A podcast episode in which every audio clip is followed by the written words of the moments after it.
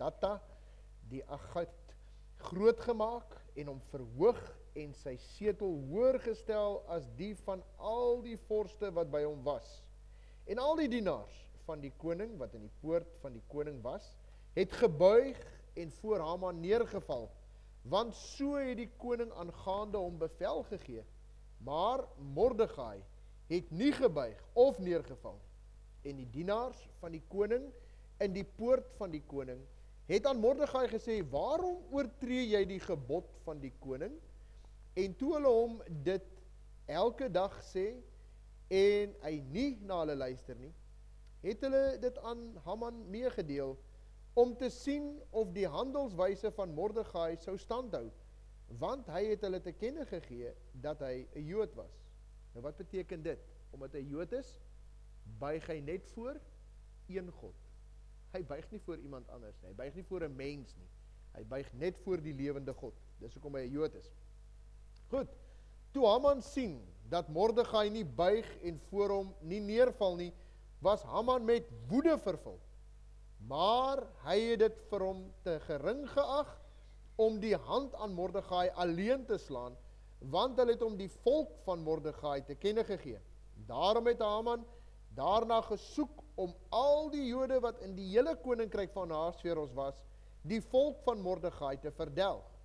In die eerste maand dit is die maand Nisan in die 12de jaar van koning Ahasveros het hulle die pur dit is die lot voor Haman gewerp vir elke dag en vir elke maand 12 in getal dit is die maand Adar toe sê Haman aan die koning Ahasveros daar is een volk wat verstrooid en afgesonder is tussen die volke in al die provinsies van die koninkryk en hulle wette is anders as die wette van enige volk Ook hou hulle die wette van die koning nie, sodat dit die koning nie pas om hulle te laat begaan nie. As die koning dit goed vind, laat daar dan geskrywe word om hulle te verdelg en ek sal 10000 talente silwer afweeg in die hande van die beamptes om dit by die skatte van die koning te voeg. Toe trek die koning sy seelring van sy hand af en gee dit aan Haman, die seun van Hamedata, die Agagit, die teenstander van die Jode. En die koning het Haman gesê: "Die silwer word jou geskenk, ook die volk om daarmee te doen soos goed is in jou oë." Toe is die skrywers van die koning geroep in die eerste maand op die 13de dag daarvan en daar is geskrywe net soos Haman beveel het aan die landvoogte van die koning, aan die goewerneurs wat oor elke provinsie was en aan die vorste van elke volk. Aan elke provinsie volgens sy skrif en aan elke volk in sy taal in die naam van koning Ahasveros is dit geskrywe en verseël met die seelring van die koning. En briewe is gestuur met die hardlopers na al die provinsies van die koning om al die Jode te verdelg, dood te maak en uit te roei, die seuns sowel as die grysaard, die kindertjies en die vroue op een dag op die 13de van die 12de maand, dit is die maand Adar en om hulle besittings as buit te plunder. 'n Afskrif van die bevelskrif moes as wet in elke provinsie uitgevaardig en openbaar gemaak word aan al die volke om gereed te wees teen daardie dag. Die hardlopers het hastig op bevel van die koning uitgegaan en die wet is in die vesting Susan uitgevaardig terwyl die koning en Haman sit en drink maar die stad Susan was in verwarring. Tot sover uit die wonderlike woord van die Here.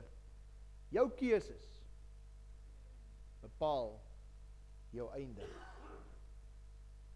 Vriende, ons kan hierdie gedeelte ook met reg noem 'n ou vyand met 'n nuwe naam. 'n Ou vyand met 'n nuwe naam. Ons dink byvoorbeeld aan Nehemia. Wie was sy grootste teenstander? Sambalat. Hy het hom amper op dieselfde wyse uitgevoer as Haman. Hy wou ook die Jode en hy wou vir uh vir Nehemia op die einde van die dag wou hy laat doodmaak en toe hy dit nie kan regkry nie, toe trek hy uiteindelik in die binnekamer in die bokamer in waar Nehemia hom dan uiteindelik uitgehaal het en uitgejaag het en vir hom gesê daar is geen plek vir hom daar. Nou dit sou vir die koningshuis beter gewees het as Mordegai van die begin af eerder hierdie hoë posisie beklee het wat Haman nou beklee. Maar natuurlik weet ons, ons het vir u gesê elke storie het 'n storie. En dit was nog nie Haman of dit was nog nie Mordegai se tyd om in daardie posisie te wees nie.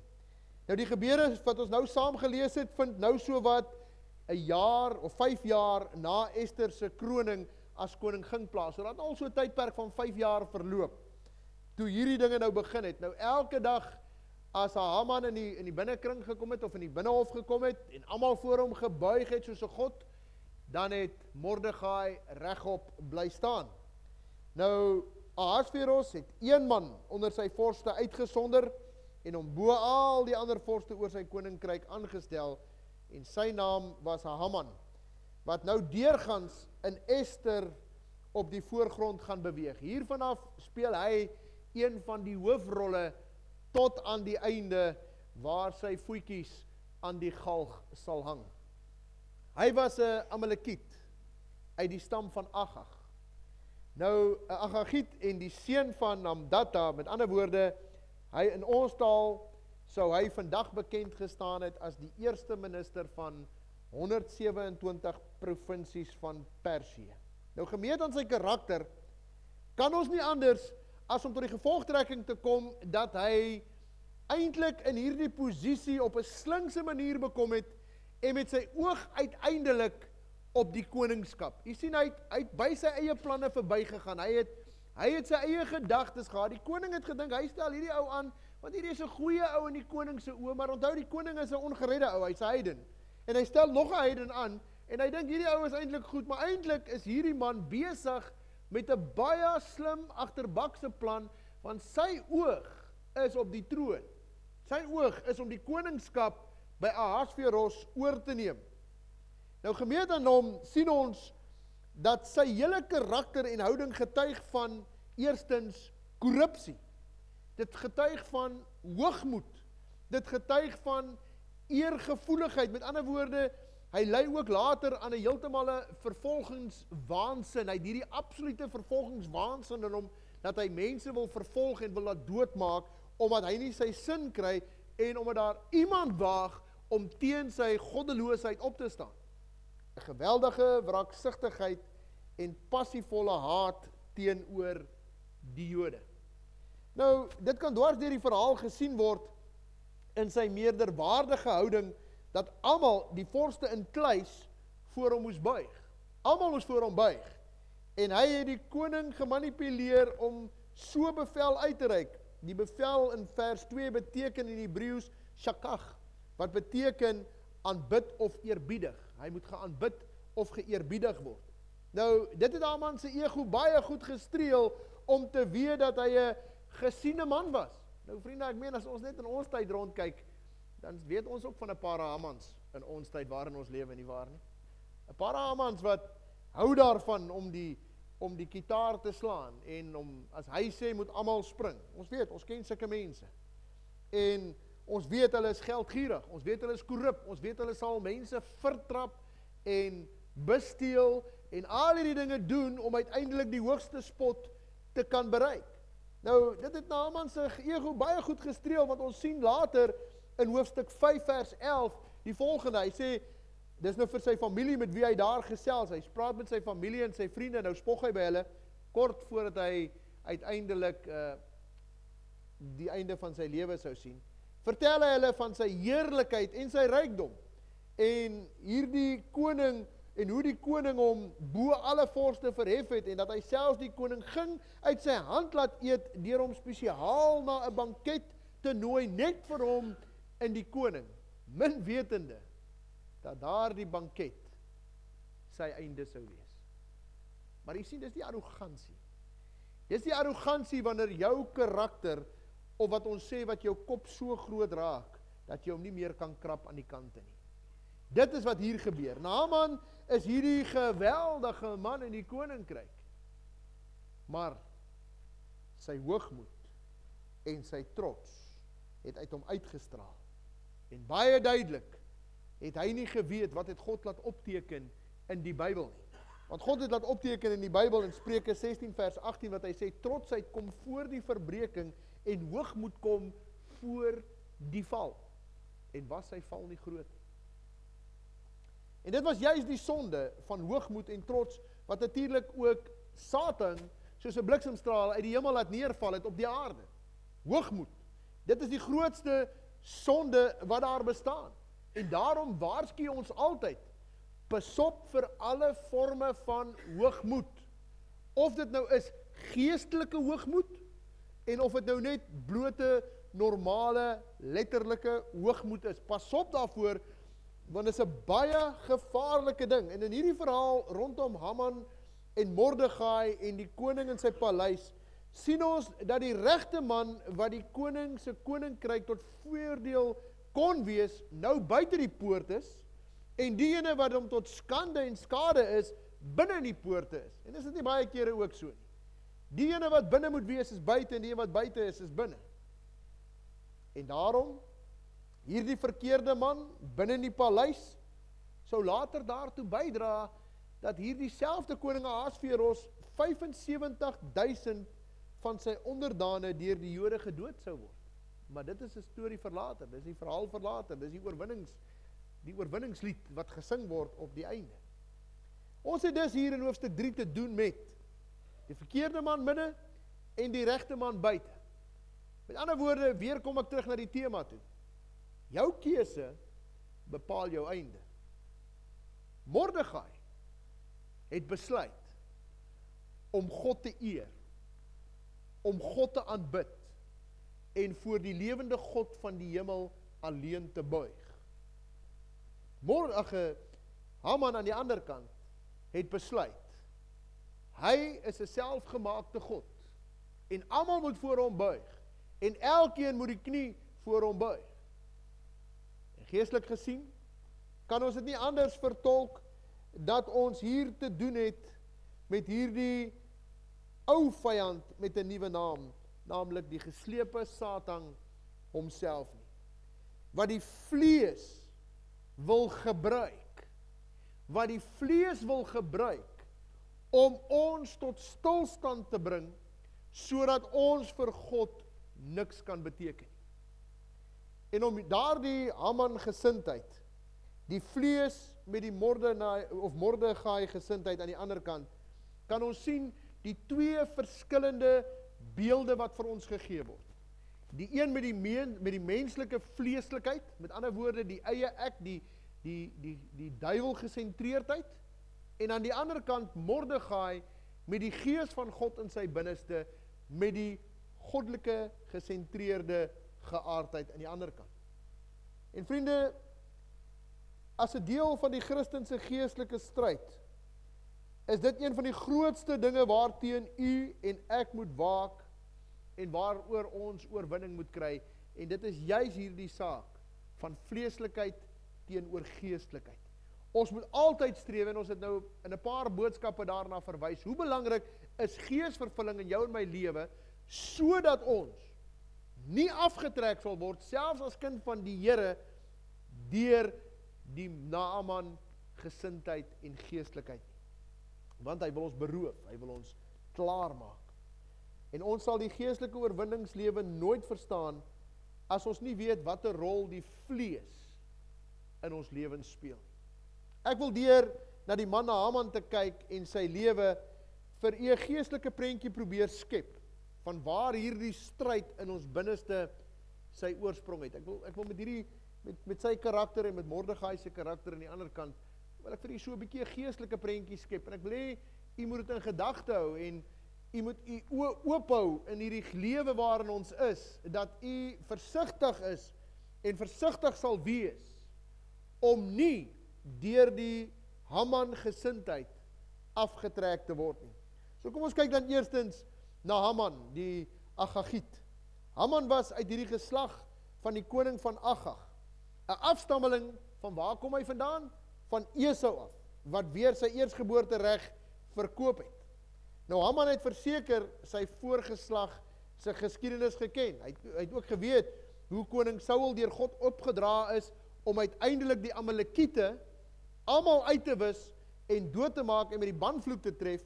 Maar ons weet ook Saul was ongehoorsaam en hy het koning Agag se lewe gespaar en nou uiteindelik soveel jare later het hulle probleme. Jy sien, daar kom die geestelike les. As ons nie handel met sonde in ons lewens nie, gaan daai sonde ons uiteindelik inhaal en gaan daai sonde ons kniehalter vorentoe. Dit gaan vir ons 'n teestryd en 'n teestand wees. Samuel het Saul hieroor be, be um, of betug en self koning Agag doodgemaak. Jy kan die hele gedeelte gaan lees daar in 2 Samuel.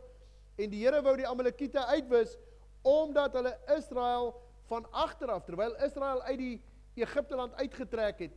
Jy moet sien hoe agterbaks is hierdie Amalekiete. Want toe die volk getrek het en al die agter agterste mense wat agtergetrek het was die wat moeg was, was die ouer mense, die wat swaar gekry het. Hulle het agtergetrek.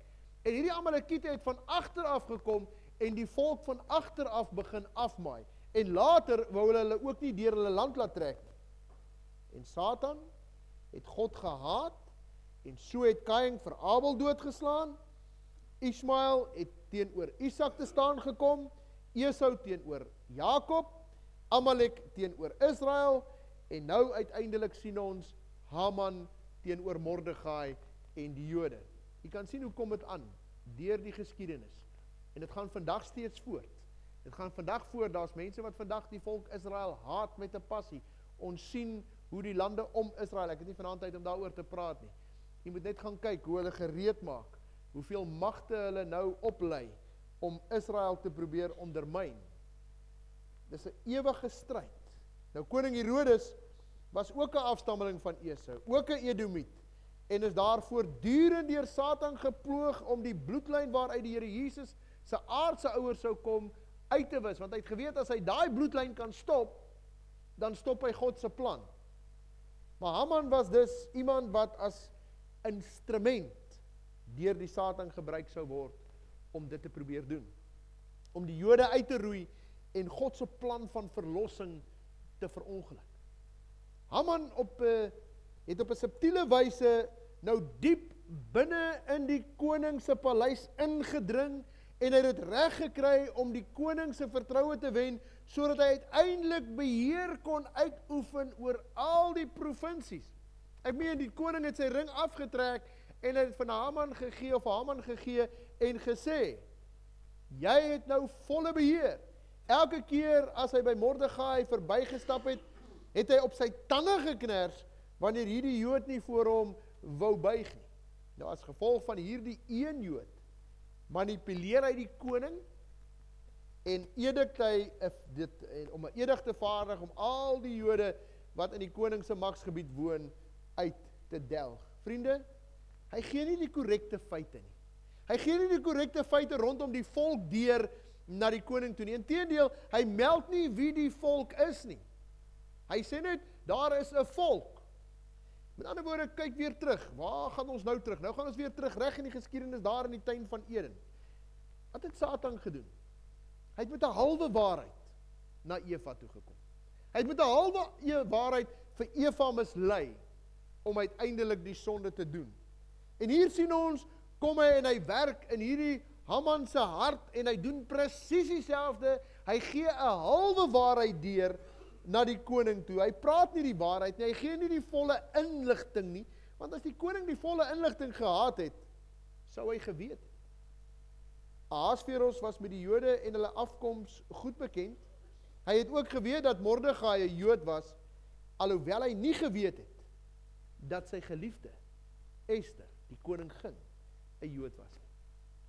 Hy het dit nie geweet op hierdie stadium.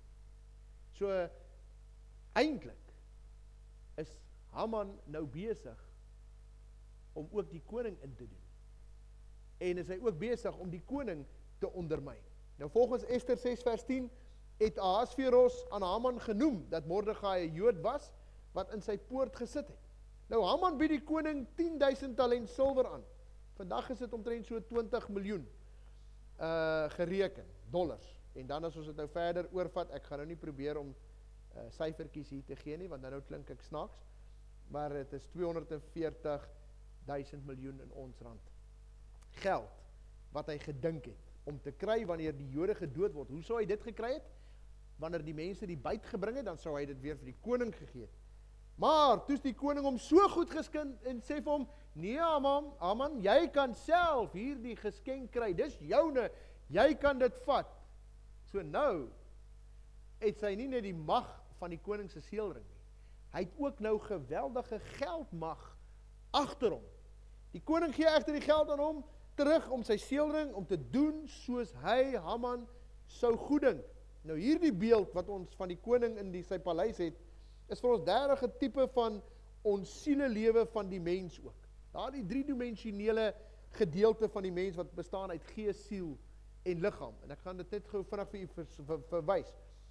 En soos die besluite wat binne in die koning se paleis geneem is, geweldige reperkusies in Susan en al die 127 provinsies sou hê, so het dit ook in 'n mens se sielelewe wanneer die verkeerde besluite geneem word. So word die sielelewe die plek waar besluite geneem word en bevele wat uitgevoer word waarop my liggaam reageer en my wêreld na buite deur my reaksies en my optrede weer beïnvloed word deur daardie keuses. Daarom het ek vir u gesê jou keuse bepaal jou einde.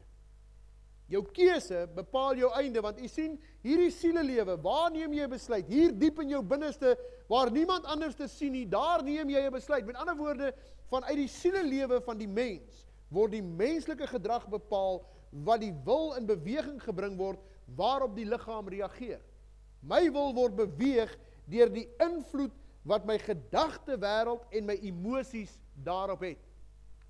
Wat het Haman beweeg? Eerstens was dit sy sy hoogmoed. Hy is nou die hoogste net onder die koning. Al wat hulle skei van gelykheid is die troon. Verder is hy aan dieselfde gemeet as die koning want hy dra die koning se seelring. Hy het hierdie hoogmoed in hom. Hy het hierdie of hy het hierdie vervolgingswaansin binne in hom. En daarom sal die Satan alles in sy vermoë doen om sy invloed te gebruik om my daar aan te val in my wil en dit daar te manipuleer. Dit is waar Satan ons aanval. Dis waar Satan die struikelblokke oor jou en my lewe rol is hier, diep binne in ons siele lewe. Hier waar ek en jy die besluite moet maak, die keuses moet maak oor wat gaan ek nou doen. Onthou een ding.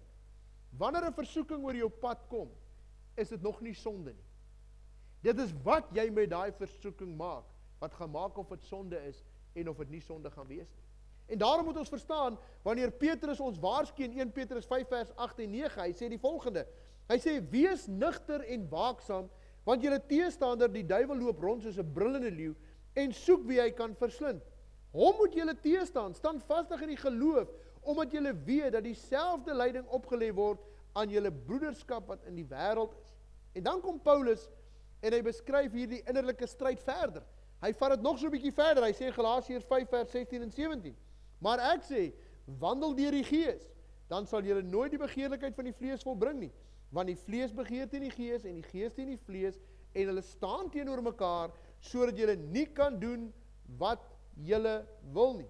En nou, nou gebruik die Satan die element van die vlees in ons om deur die vlees my optrede en my reaksie my doen en late te beïnvloed.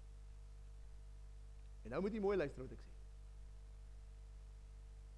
Ek sê weer vir u. Jou optrede is jou keuse. Jou optrede is jou besluit. Satan bring miskien iets oor jou pad. Hy rol miskien iets. Hy gooi miskien 'n spanner in die works. Maar is jou keuse. Dis jou keuse hoe jy gaan optree. Dis jou keuse hoe jy gaan iets sê en hoe jy dit gaan hanteer. En dit bring vyandskap tussen die gees en die vlees. Want jy kan nie jou gees tevrede stel as jy aan die vleeslike kant toegee wanneer die Satan hierdie dinge oor jou pad bring nie. Hoor wat sê Romeine 7 vers 15. Want wat ek doen, weet ek nie. Want wat ek wil, dit doen ek nie. Maar wat ek haat, dit doen ek. Want ek weet dat in my dit wil sê in my vlees niks goeds woon nie. Dis vers 18. Want om te wil is by my aanwesig, maar om goed te doen, dit vind ek nie. Vers 19. Want die goeie wat ek wil doen, uh kan ek nie of doen ek nie. Maar die kwaad wat ek nie wil doen nie, dit doen ek. Romeine 8 vers 6 sê, want wat die vlees bedink is die dood, maar wat die gees bedink is lewe en vrede. Met ander woorde, as ek gaan toelaat dit wat by my mond uitkom, my optrede moet ons nou vir mekaar mooi sê, wanneer is dit gees en wanneer is dit vlees? Wanneer is dit vlees en wanneer is dit gees? Gees is is wanneer ek besef dit wat ek nou gaan sê gaan skade aanrig. Dit gaan nou geweldige reperkusies hê. Dan moet ek stil bly. Maar die vlees gaan jou dring. Die vlees gaan jou dring om jou sê te sê. Die vlees gaan jou dring om die laaste woord in te kry. Jy weet mos wanneer 'n mens 'n argument kom, nê? Wie wen die argument? Die een wat die laaste sê sê gewoonlik. Jy weet mos wat gebeur mos as 'n man en 'n vrou partykeer in 'n rusie ingaan en hulle praat en hulle praat dan sê die man, "Maar ek sê vir jou." En dan praat hy praat praat en dan as die vrou nou klaar is of as hy klaar is, sê die vrou, "Maar en en dan gaan hulle weer aan." Jy sien, tot hulle op 'n punt kan kom waar hulle uiteindelik die punt bereik waar een moet sê, "Nou bly ek stil." Nou handhaaf ek stilte en ek laat die gees oorwin en nie my vlees nie. Maar jy sien, weer eens, as ons kyk na die geestelike aspek hiervan, dis trotsheid in ons hart. Plaas laat na Haman of ag Haman na Mordegai toe gaan en met Mordegai in 'n ordentlike gesprek gaan en vir hom sê Mordegai sê vir my wat is die rede dat jy nie voor my buig nie dan kon Haman vir hom of of Mordegai vir hom gesê het Haman weet jy ek is 'n Jood en by beginsels is daar geskrywe in God se wet jy mag jou voor geen ander god neerbuig behalwe die God wat in die hemel is Maar jy sien, omdat sy trots, omdat hy die laaste sê wou hê, omdat hy die meneer is, is daar skielik hierdie woede in hom. Hy kners op sy tande as hy by Mordegai verbystap. Jy sien vriende, en dis waarteen u en ek moet waak ook in ons geestelike lewens as kinders van die Here. Ons moet waak. Ons moet waak hoe ons optrede is, dat ons nie hierdie Haman gesindheid toelaat in ons lewens nie. En dis hierdie prentjie uit Romeine waarmee ons hier in Ester ook te doen het. Haman die vlees besig daar in die paleis, die innerlike lewe. Sy invloed te gebruik om die hele land, die hele liggaam en lewe te beheer. So wie beheer jou vanaand? Wie beheer jou werklik vanaand? Maar nou aan die ander kant, daar in die poort van die koning, net buite die paleis en met geen toegang of invloed by die koning nie, sit 'n ander man en sy naam is Mordegai. Hier het ons die vleeslike aspek Haman. Hy wat alles en almal wil oorheers, wat altyd die laaste sê wil hê, wat uiteindelik 'n negatiewe invloed in die samelewing. En dan bring dit my by Mordegai. Ek wil ons het so 'n bietjie by hom stil gestaan daar in die begin, maar ek gaan nou 'n bietjie meer by hom stil staan. Vers 2 en 3 en verder. En nou, Wat maak Mordegai anders as Haman? Wat maak hom andersters? Wat maak dat daar 'n ander karaktertrek in hom is? Die Heilige Gees. Al sê die Bybel dit nie vir ons dat soos wat hy dit van Daniël gesê het dat hy in Daniël geskryf het en gesê het daar is 'n voortreffelike gees in Daniël. Ons kan dit aflei. Ons kan dit aflei uit Mordegai se hele houding uit Mordegai se hele uitgangspunt. Hy het nie sommer net gaan staan en sê man, ek sal hierdie hierdie hierdie heiden wys, ek sal nie buig nie. Nee, daar was 'n ander rede wat Mordegai gedryf het. En dit was die gees van God. Mordegai het homself nooit soos Haman in die koning se lewe laat opdring en inforceer om sy wil en rede deur slinksheid en manipulasie te beheer nie. Glad nie. Nee, maar hy wag op die uitnodiging van binne deur die koning, deur die siel om na binne te kom Mordegai dring nie in nie. Hy wag vir daardie uitnodiging. Hy wat wag en sê kom na binne. Later lees ons ook dat toe Mordegai in die paleis kom, toe heers daar vreugde. Daar lees oorwinning. Daar leef vrede in daardie koninkryk. Jy sien dis die verskil.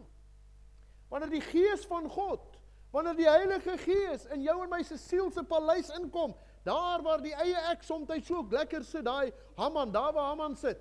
Jy sien wanneer Haman uitgeskop word en wanneer ons die Heilige Gees innooi, hy wat op die stadium dalk buite party mense se hartspoorte sit. Die Here sê, kom ons nooi die Heilige Gees in. Laat hy beheer vat. Vriende, en as hy inkom, dan heers daar vrede in jou geestelike lewe. Daar heers oorwinning, daar weer vrede en vreugde en blydskap. Haman kon hierdie gesig van vrede, kalmte en krag nie verdra wanneer Mordegai hom in die oë gekyk het en geweier het om neer te buig in eerbied vir hom nie. In ander woorde, Mordegai of Haman het gesien. Hy het gekyk na Mordegai En hy het gesien daar was iets anders. Daar was 'n ander vrede. Want hy het gesien Mordegai het nie vrees nie. Hoekom het Mordegai nie vrees nie? Onthou jy wat het ons vanmôre gesê? Wanneer ons gefokus is op God, wanneer ons denke verander is, dan is daar 'n andersters vrede in my binneste. Ek is nie meer bang nie. Ek is nie meer bang nie want die gees van God is werksaam in my binneste. Daardie innerlike selfversekerdheid en krag het Haman ontseën nie. En deur die hele Joodse volk te probeer uitwis, wou hy seker maak dat geen Jood hom weer so sou behandel nie. Met ander woorde, hy wil eintlik sê dat die gees van God hom nie weer so sou behandel nie. Ek kan dit dalk vir u so noem. Onthou u die verhaal in die Nuwe Testament van Stefanus. En dit is ook miskien wat die hoëpriester en die Joodse raad ervaar het toe hulle Stefanus stip aangekyk het en gevoel het asof hy deur hulle kon kyk en hulle bedrog raak gesien het en daarom dat hulle woedend op hulle tande geknars het en hom uiteindelik gestenig het.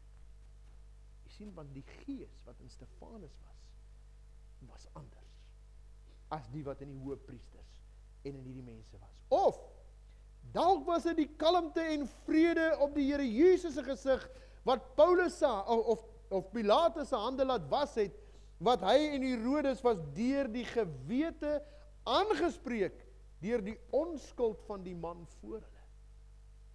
Die gees van God het hulle gewys. En hulle sidder en hulle bewe want hulle weet hulle te doen met die lewende God. En net soos Haman vir Mordegai verhinder het om naby die koning te kom, net so sal die Satan alles probeer om die mens vleeslik te hou sodat die Heilige Gees nie toegang tot die sielelewe van die mens kan verkry. En ons weet dat die Heilige Gees ook deur die woord toegang verkry en daarom sal die Satan alles doen om ons te verhinder om 'n passie vir die woord van God te hê. U sien, Satan is uitgeslaap. En hy weet, hoe minder jy in die woord is, hoe minder jy die woord lees, hoe minder sal jy die passie hê om God voluit te dien. En daarom sal hy jou verhinder. Daarom sal hy jou moeg maak. Daarom sal hy vir jou sê, ah, "Ek verstaan nie wat hier staan nie." Of hy gaan vir jou sê, uh die Bybel maak nie sin nie. Kom ons lees eerder 'n dagstukkie of kom ons lees eerder iets anders of kom ons lees iets aanvullend. Terwyl die woord genoegsaam is. Die Satan spoor die vlees aan om vleeslik te dink en te regeer of te reageer. Hy wil nie hê dat ons geestelike dinge sal bedink nie. Onthou hierdie boodskap wat ek vir u gebring het ek vir u gesê het om God die lendende van julle verstand. Om God dit, maak dit vas dat dit vir die Here aanvaarbaar kan wees. Hoor wat sê Paulus in Romeine 8 vers 5 en 6. Want die wat vleeslik is en nou moet ons mooi dink. Hoor mooi, hoor mooi. Jy moet nou baie mooi hoor wat hierdie gedeelte sê. Want die wat vleeslik is bedink vleeslike dinge. Maar die wat geestelik is, geestelike dinge. Want wat die vlees bedink is die dood. Maar wat die gees bedink is lewe en vrede. Gaan bepeins daai teksvers. Kind van die Here gaan bepeins daai teksvers. Wat bedink jy? Wat is in jou lewe, in jou geestelike lewe op hierdie oomblik aan die gang? Met ander woorde, aan watter kant staan jy? Staan jy aan Haman se kant of staan jy aan Mordegai se kant? Iets om oor te dink.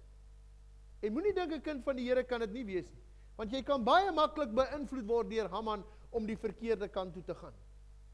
Die Satan wil my deur die vlees so besig hou met die wêreld en wêreldse dinge dat ek nie tyd het om stil te word om die geestelike dinge te bedink nie.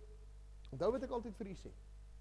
Kolossense 3 vers 1 en 2 of eintlik die hele Kolossense 3 is eintlik die hele proses van heiligmaking is die hele pad waar langs ons die proses van heiligmaking kry. Hoekom? Want vers 1 en 2 sê soek en bedink die dinge wat daar bo is. Vers 5 sê maak dood die lede, dit handel dit handel met die liggaam, met die vlees, maak dood die lede wat op die aarde is. Vers 8 maak dood die gedagtes sondes, dit wat jy dink, dit waarmee jy mee besig is. Vers 9 sê lieg nie vir mekaar nie en dan verder vers 11 en 12 sê dan beklee julle. Aan die woorde as jy al hierdie vuil goed afgetrek het, weggegooi het, weggevat het, dan beklee julle met die innerlike, met die nuwe, sodat jy God kan verheerlik wees of verheerlik kan wees. Goed. Die Satan wil my deur die vlees so besig. Romeine 8 vers 8 sê en die wat in die vlees is kan God nie behaag nie. Kind van God? Hoe lyk ons optredes elke dag? Nie net hier by die kerk. Nie net hier by die kerk. Ook daar waar ander kinders van die Here jou nie kan sien nie. Hoe lyk jou optredes daar? Hoe lyk dit? Behaag jy God? Want as jy vleeslik optree en as jy in die vlees handel, behaag jy God nie. Dit sê die Bybel, nie ek nie. En dis waaraan u en ek ons elke dag moet meet. Daarom het ek vir u gesê toe ons gepraat het oor die proses van heiligmaking en geesvervulling, dit is 'n daaglikse daaglikse daaglikse proses waarin jy in jouself moet sterwe. Elke dag moet jy in jouself sterwe, jou kruis opneem en God volg. Want as jy nie jou kruis opneem nie, kan jy God nie voluit dien nie. 'n Teruggevalle vleeslike kind van God onderwerp hom nie aan die teregwysings uit die skrif nie, maar wil altyd sy of haar sonde regverdig deur ook die skrifte wil gebruik. Luister 'n bietjie baie kere hoe gebruik mense of misgebruik die mense die skrif om hulle self te kan regverdig oor hulle sondes of hulle vleeslike toestand. Maar omdat hulle nie insig het nie, verdraai hulle die skrif om te sê wat hulle wil hê dit moet sê. En sal die Satan alles doen om die kind van God te weerhou van 'n geesvervulde lewe En net so hou die Satan deur fyn bedrog ook die verlore sondaar uit die hemel. Want u sien, u gebeur twee dinge. Satan is nie 'n lui ou nie. As daar een goeie eienskap is wat ons vir die Satan kan gee, een is hy hy's nie lui. Hy's nie nie. Want hierdie kan werk hy met die kinders van die Here. Hy probeer hulle passieloos kry. Hy probeer hulle woordloos kry. Hy probeer hulle vleeslik kry want as hulle vleeslik is, dan is hy tevrede, dan is hulle passief en hy weet hulle kan alreeds hulle wat hy hierdie kan mislei met die leuns en met al die dinge wat alreeds op pad is hel toe, hy weet hulle gaan hulle dan nie bereik nie. Jy sien dis hoe hy werk. En daarom is dit belangrik dat ons nie toelaat dat hy ons passieloos maak en passief maak nie. Ons moet passievol bly. Vriende, die skrif om te sê wat hulle wil hê hulle moet sê en dan sal die Satan doen om die kind van God te weerhou van 'n geesvervulde lewe hoe deur vir hom allerhande slim redenasies te gee. Hoor wat sê 2 Korintiërs 4 vers 4.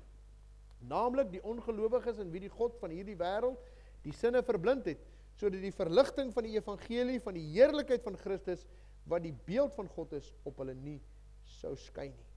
Maar baie maak dan wat die koning gedoen het in vers 10. En wat het hy in vers 10 gedoen? Kom ons lees. Hulle sê daar in vers 10: "Toe trek die koning sy seelring van sy hand af en gee dit aan Haman die seun van Amdata die Ag die Agagiet die teenstander van die Jode. Hoe baie kinders van die Here trek nie daardie seelring af en gee dit vir die vlees om te doen wat die vlees wil nie.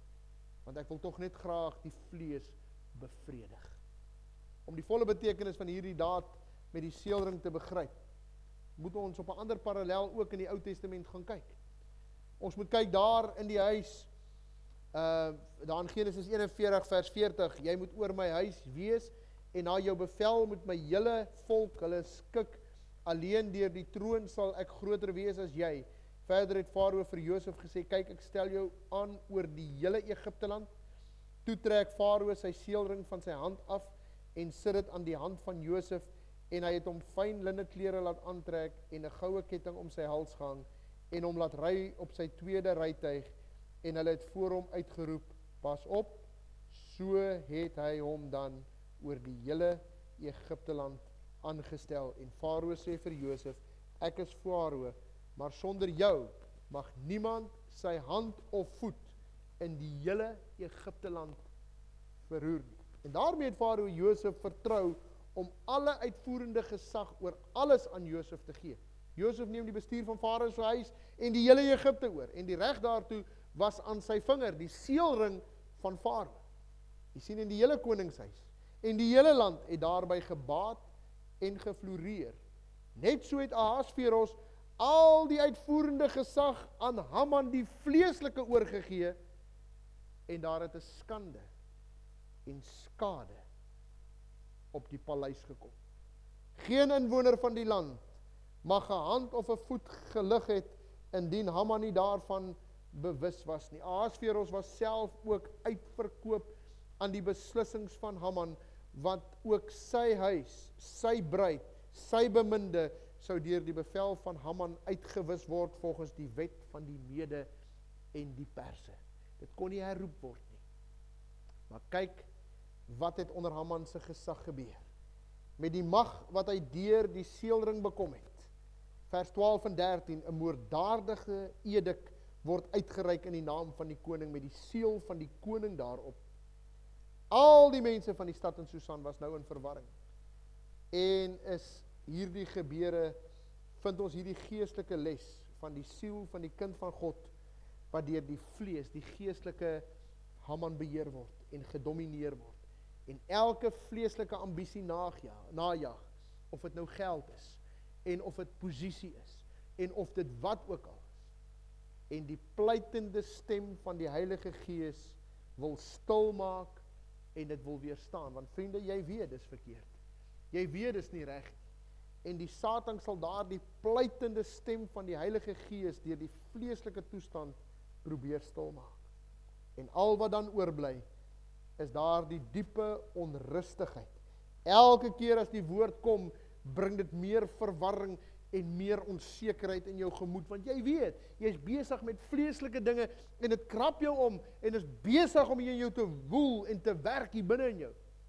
Soos die inwoners in Susan in verwarring was oor hierdie absolute en onverstaanbare gedrag van die koning want onthou dis die koning se gesag wat uitgegaan het dis die koning wat gesê het hulle moet doodgaan want die koning se ring is daarop hulle het nie besef dat Haman agter hierdie ding sit oral het mense rondgestaan en bespiegel en gefluister oor die toedrag van sake terwyl die persoon wat soveel verwarring veroorsaak het rustig agteroor by die koning gesit het en sy vlees verder gestreel het met die drank saam met die koning. Ons het dit daar gelees aan die einde van die gedeelte.